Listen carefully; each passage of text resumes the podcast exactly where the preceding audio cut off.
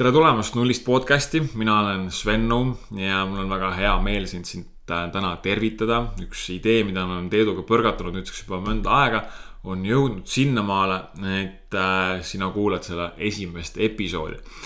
teemadeks tuleb meil siin Facebooki turundus, sotsiaalmeedia, Instagram, reklaamid, digiturundus e, emaili turundus e, e-kaubandus ja kõik, mis sinna vahepeale jääb räägime meie ise, räägin mina siin üksi äh, ja kutsume ka siia külalisi, kellega koos siis äh, erinevaid teemasid lahata.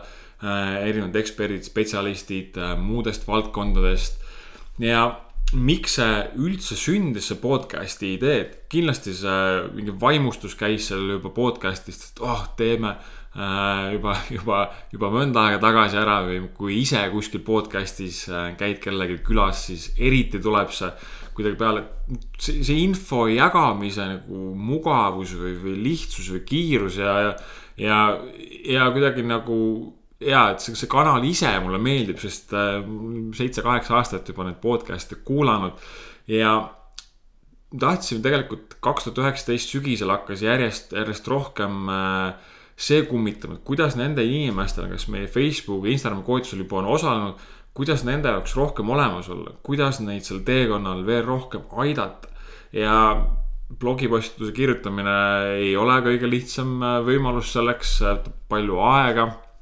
ja seda peab lugema, eks ole. loomulikult blogi jaoks on mingid asjad väga head, samamoodi tekkis meil siis video äh, õpetuste selline nullist digiakadeemia, kus saab pärast sisse logida ja sealt mingeid asju vaadata, see on ka mingite asjadeks ja, aga rääkida Facebooki turundusest või uutest asjadest, mis ma ise olen õppinud või mis vigu tehakse või mingid siuksed nõuanded, vahest kiiremad, vahest pikemad jutuajamised. samamoodi tuua teisi eksperte, äh, kutsuda külla, rääkida nendega. siis hakkasin mõtlema, mis see oleks siis kõige parem viis, kuidas seda siis lihtsalt mugav teha, nii et äh, endale võtaks tohutult kaua aega, see kiirus on ju oluline ja samamoodi ka, et teisel pool siis inimesel oleks seda lihtne, mugav kuulata siis podcast lihtsalt tundus kõige loogilisem äh, variant nendest ja siin ma nüüd istun, salvestan esimest nullist podcast'i episoodi. ja tänaseks teemaks on äh, viis viga, mida Facebooki reklaamidega kaks tuhat kakskümmend vältida. nii et äh, head kuulamist sulle.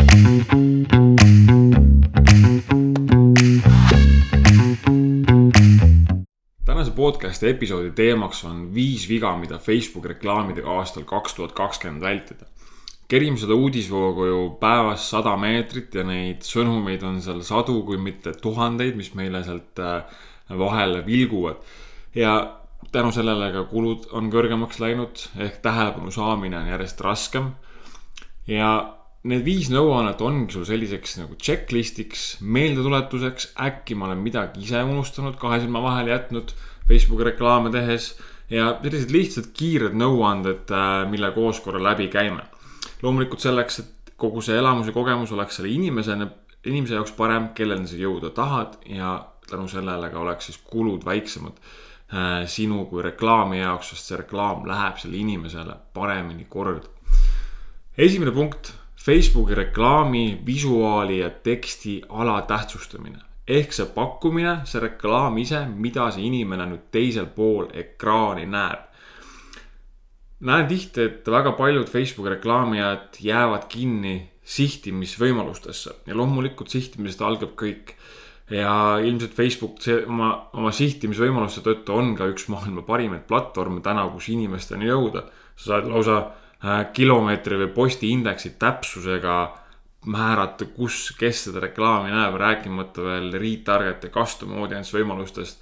kus saab saata reklaami inimestele, kes on kodulehte külastanud või sinu toote vastu juba huvi üles näidanud. aga see on alles viiskümmend protsenti. teine osa sellest on see reklaam ise ja see pakkumine, mis seal reklaamis on, see visuaal, mis mulle vastu võtab, kas see kõnetab mind, kas see näeb hea välja kui ma Facebooki reklaamijana, ma alati panen rõhku sellele, et, et ma panen ka, panen ka oma aega selle reklaami teksti kirjutamisele. et äh, ma ei taha saata välja sellist, noh, vist on hea küll, et, et see, see ei ole kindlasti nagu hea signaal. nüüd, miks see oluline on see, et isegi kui su sihtimine on paigas ja see läheb õigele sihtrühmale, ta võibki seda inimest kõnetada seal äh,. kehv nii-öelda nõrk pakkumine õigele sihtrühmale töötab äh,. aga sinu kulud võivad olla kuu lõikes poole kallimad. kui sa oleksid keskendunud äh, või oma fookust pannud natuke rohkem oma aega, võib-olla tunnikese või kaks sellele, selle teksti kirjutamisele ja lasknud kellelegi võib-olla ilusama visuaali luua. kui nüüd need kulud oleks viiskümmend protsenti väiksemad võrreldes selle praegusega, mida sa kasutad, siis tegelikult see võib teha sulle kuu lõikes, oleneb sinu eelarvest, kuu eelarvest muidugi, äh, sinu kampaaniast väga suure vahe loomulikult sa ei pea ise nüüd hakkama sellepärast copywriter'iks ja kujundajaks, on olemas inimesed, kes saavad sind aidata. tegelikult on olemas Facebookis lausa grupp, internetturunduse ja e-kaubanduse grupp. Äh, pane ennast sinna kirja, seal äh, küsi, pane enda, enda töö, enda ülesanne sinna ülesse, sealt sa saad inimesed kommenteerivad ja leiavad endale sealt õige inimese, kes aitab sul tekstide kirjutamisega. ja annad talle näiteks mingit sisendit ette siis, näe, mul on sihuke asi ja mul oleks vaja sellised pakkumised teha, selline kampaania on tulemas. tee mulle viis erinevat varianti siit, eks ole, ja siis sa pärast saad, saad neid testida. Äh, teine asi, kuidas, äh, kuidas üldse sellest paremini aru saada, et mismoodi seda reklaami kirjutama peaks. alusta sellest, et uuri välja mis on sinu kliendi probleemid ja valukohad. küsi oma klientidelt tagasisidet, kes on juba sinu käest ostnud, miks nad on ostnud, mida nad sellest said, mis neile meeldis, mis nende elus muutus. et sealt sa nopid tegelikult välja siuksed väga head kullaterad, äh, mida enda Facebooki reklaamides kasutada ja need on alati need kõige paremad pealkirjad, mida tegelikult kuskilt mujalt ei tule, nii et küsi enda klientideks tagasisidet, kirjuta nendele, helista nendele. Äh, mis iganes viisil sa seda teha saad, aga kasuta abi. ja just on see oluline nende kampaaniate puhul, mida sa kasutad pikemaajaliselt. võib-olla kuu aega, võib-olla kuus kuud järjest. ehk kui üks Facebooki kampaania või reklaam töötab väga hästi, siis tegelikult sa ei pea ju seda kinni panema. nüüd oluline on, et või see raske ülesanne on, et see hea kampaania leida, eks ole, ja see on okei okay sinna aega investeerida. ehk sihtimine ja see reklaam ise, need kaks moodustavad ühe terviku ja kindlasti aitavad sinul, äh, sinu kulusid kokku hoida ja nendel, et need reklaamid läheksid inimestel paremini korda. teine viga, keskendutakse liialt oma tootele versus kliendi probleemile. natukene üleval puudutasime ka seda, aga üks kuulus lause tuleb meelde, ära müü toodet, müü lahendust aga mida teeb üheksakümmend viis protsenti ettevõtteid? müüvad ainult enda toodet, meie toode, meil on see, meie, meie, meie, meie, meie, meie. teisel pool ekraani see inimene, teda ei huvita see teie toode, teda huvitab ainult mina ise. mina, minu probleemid, minu elu sama nagu grupipilt või klassipilt on, keda sa esimesena vaatad seal, kas sinu äh, mokk on sirge seal ja, ja tuks, tukk sirge. Kedagi, keegi teine ei huvita sind, eks ole. me ainult iseenda pärast oleme väljas. nüüd äh, sellepärast neid reklaame tegelikult ka nii palju eiratakse, need ei lähe inimestele korda, isegi kui see toode või teenus on vajalik sellele inimesele, isegi kui see aitaks teda ja oleks talle kasulik siis ta lihtsalt äh, ennem juba lülitab ennast välja, kui ta ei jõuagi selle lugemiseni üldse, sest ta lihtsalt tahab talle kohe müüa seal, eks ole. ja arvestame veel seda, et see tähelepanu saamiseks on tõesti ainult loetud sekundid, kaks-kolm sekundit, et seal uudisvoos selle inimese tähelepanu saada, et ta peatuks just sinu reklaamile, et ta nüüd klikiks edasi kodulehele, et, et ta läheks tutvuma sellega, mida sa siis talle pakud ja kuidas sina saad aidata. ehk proovi enda reklaame nüüd äh,, ma arvan, see on just väga hea koht sellesama eelmise punktiga koos tegelikult, kui sa hakkad seal juba natukene arutama et äh, proovida lähtuda sellest inimesest, kellele sa müüa tahad. mida see tema elus aitab, alusta selle, selle esimese lausena pane see sinna, mitte see, mida sa müüa tahad. ja hakka selgitama talle natuke seda probleemi olemust, neid, neid valukohti, mida sa, mida sa suudad siis ära lahendada ära võtta seal. ja siis sa jõuad alles selle pakkumiseni, siis sa jõuad alles selle call to action'i. et äh, vaata võib-olla enda, enda, enda reklaame natuke värske pilguga korra, mida sa saaksid seal paremaks teha, et rääkida rohkem siis selle kliendiga versus siis oma tootest. kolmas viga, oled liiga kannatamatu äh, tulemuste ootamisel ja see käib just siis Facebooki reklaamide kohta, äh, mis sa oled uued reklaamid peale pannud. et kui me paneme täna hommikul uue reklaami peale ja paneme sinna siis viis või kümme eurot eelarveks, eelarvet taha, siis samal pärastlõunal või samal õhtul ei oska Facebook sulle mitte midagi veel öelda, et kas see klikihind on kallis, mitte keegi maailmas ei tea seda veel. see miinimumperiood on nelikümmend kaheksa kuni seitsekümmend kaks tundi. tegelikult see Facebooki õppimise faas on läinud veel pikemaks. Facebooki algoritmid on läinud targemaks, aga ta nõuab ka seda aega, et ta leiaks nüüd selle sihtimisel vastavalt need inimesed, keda sa, kellel sa soov, kelle, kelleni sa soovid siis jõuda.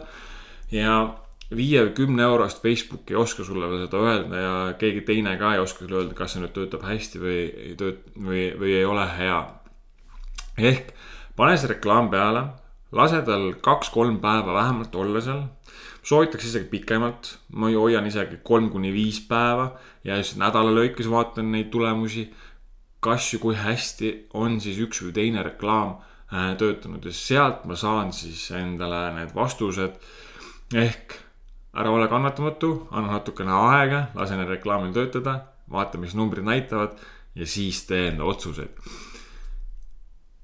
viga number neli, sa ei testi piisavalt kui me loome ühe uue kampaania, uue reklaami, ükskõik, kus me selle suuname siis, mis see pakkumine seal on ja paneme selle ainult ühe reklaami.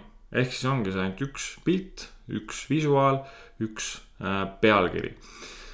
siis tegelikult äh,, jah, ma olen seda viga ise alguses väga palju teinud ja siiamaani vahest teen. siis tegelikult sellega me tegelikult piirame võimalusi. mina arvan, milline pilt sobib kõige paremini, mina arvan või mina tean, milline pealkiri on see kõige parem, ei tea.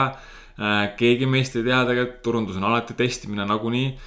Äh, ja iga Facebooki reklaamiga, okei okay,, võib-olla ainuke juhus, kus, kus, kus ma seda kasutaks, on võib-olla hästi lühiajaline kampaania.